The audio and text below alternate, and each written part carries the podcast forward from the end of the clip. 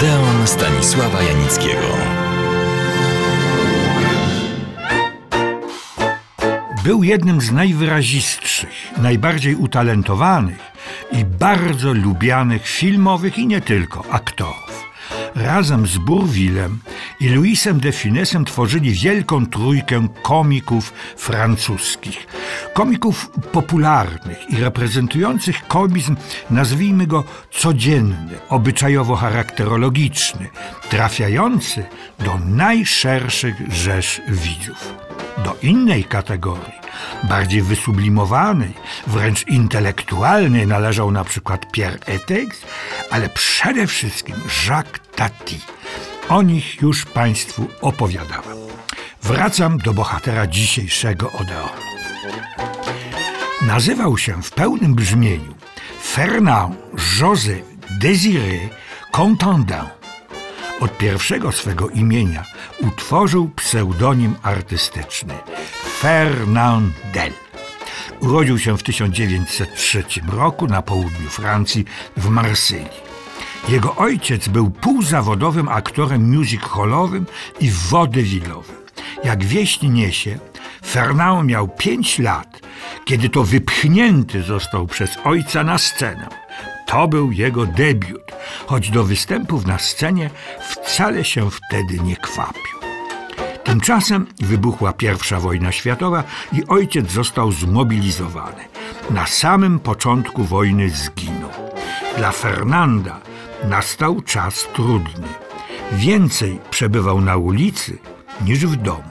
I zapewne na tej ulicy by pozostał, gdyby nie ksiądz Emil Lariot, który zajął się chłopcem. Fernand Contadin musiał zarabiać na życie i mał się najróżniejszych zajęć. Pracował jako doker czy w banku jako kasjer. Odbył też obowiązkową służbę wojskową i właśnie wtedy uświadomił sobie, że chciałby zostać aktorem.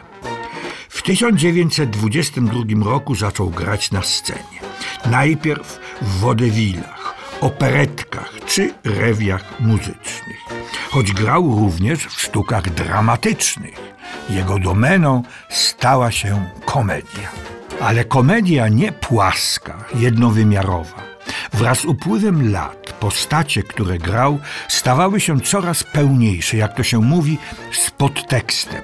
I to poważnym. To nie były kukiełki, jak to często w komediach bywa, ale pełnowymiarowi ludzie ze swoimi zaletami i wadami, radościami i kłopotami, a często i tragediami. Fernandel stawał się coraz popularniejszy, więc normalną koleją rzeczy zainteresował się nim film. Po raz pierwszy pojawił się w roku 1929 w filmie Białe i Czarne. Film ten był adaptacją sztuki Saszy Gitry. Otwieram mały nawias. Sasza Gitry był synem znanego aktora francuskiego Lucien Guitry, który wsławił się znakomitymi rolami molierowskimi, szczególnie jako Arnolf w Szkole Żon i Tartuffe w Świętoszku. Często grał też w sztukach współczesnych swego syna, Saszy Gitry, który poszedł w ślady ojca, ale rozszerzył krąg działania, bowiem nie tylko grał, ale i pisał sztuki teatralne, napisał ich ponad sto. Co więcej, reżyserował także film. Najgłośniejszym był romans Schulera, który na dobrą sprawę powinien mieć tytuł Opowieść oszusta, bo jest pół żartem, pół serio opowieścią, poniekąd spowiedzią tytułowego oszusta, który już jako dziecko przekonał się, że uczciwość nie popłaca ponieważ jako jedyny z licznej rodziny nie zjadł, a skłamał, że zjadł grzybu, które okazały się trujące. Sasza Guitry to jedna z najbarwniejszych postaci francuskiego świata artystycznego lat przedwojennych. I na podstawie jego sztuki, utrzymanej w podobnym duchu co romans Schulera, powstał film, w którym Fernand Del zadebiutował w roli pana młodego.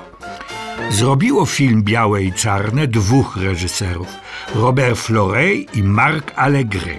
Też ciekawe postacie, ale o nich opowiem i oddzielnie, i później. Fernandel grał najpierw role drugoplanowe w drugorzędnych filmach.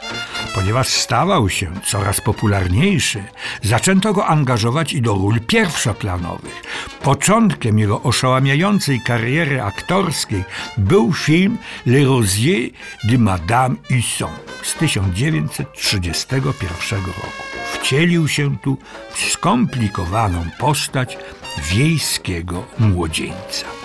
Trzy lata później zagrał podobną w charakterze rolę w Angers. Akcja toczy się na dalekiej francuskiej prowincji. Fernandel, jako Saturnin, opiekuje się dziewczyną, która uciekła z domu, ale wykorzystana i porzucona wróciła z dzieckiem do rodzinnej wsi i przez rodziców została wyklęta. Ta rola potwierdziła talent Fernandela w repertuarze dramatycznym. Dlatego następne filmy Odrodzeni i Córka Studniarza, w których grał role główne, też do tej kategorii należą. Wystąpił też Fernandel w sławnym filmie Julien Duviviera Jej pierwszy bal. Główna bohaterka, zamożna wdowa, odwiedza po latach tych adoratorów, których wpisała do swojego karnetu podczas swego pierwszego balu. Doznaje jednak więcej rozczarowań niż sentymentalnych wzruszeń.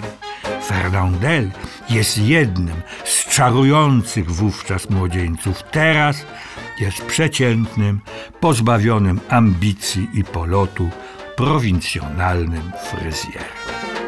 Lata 40. stanowiły przełom w twórczości Fernandela. Zdominowały ją role komediowe, ale o nich opowiem Państwu za tydzień. Serdecznie do Odeonu zapraszam.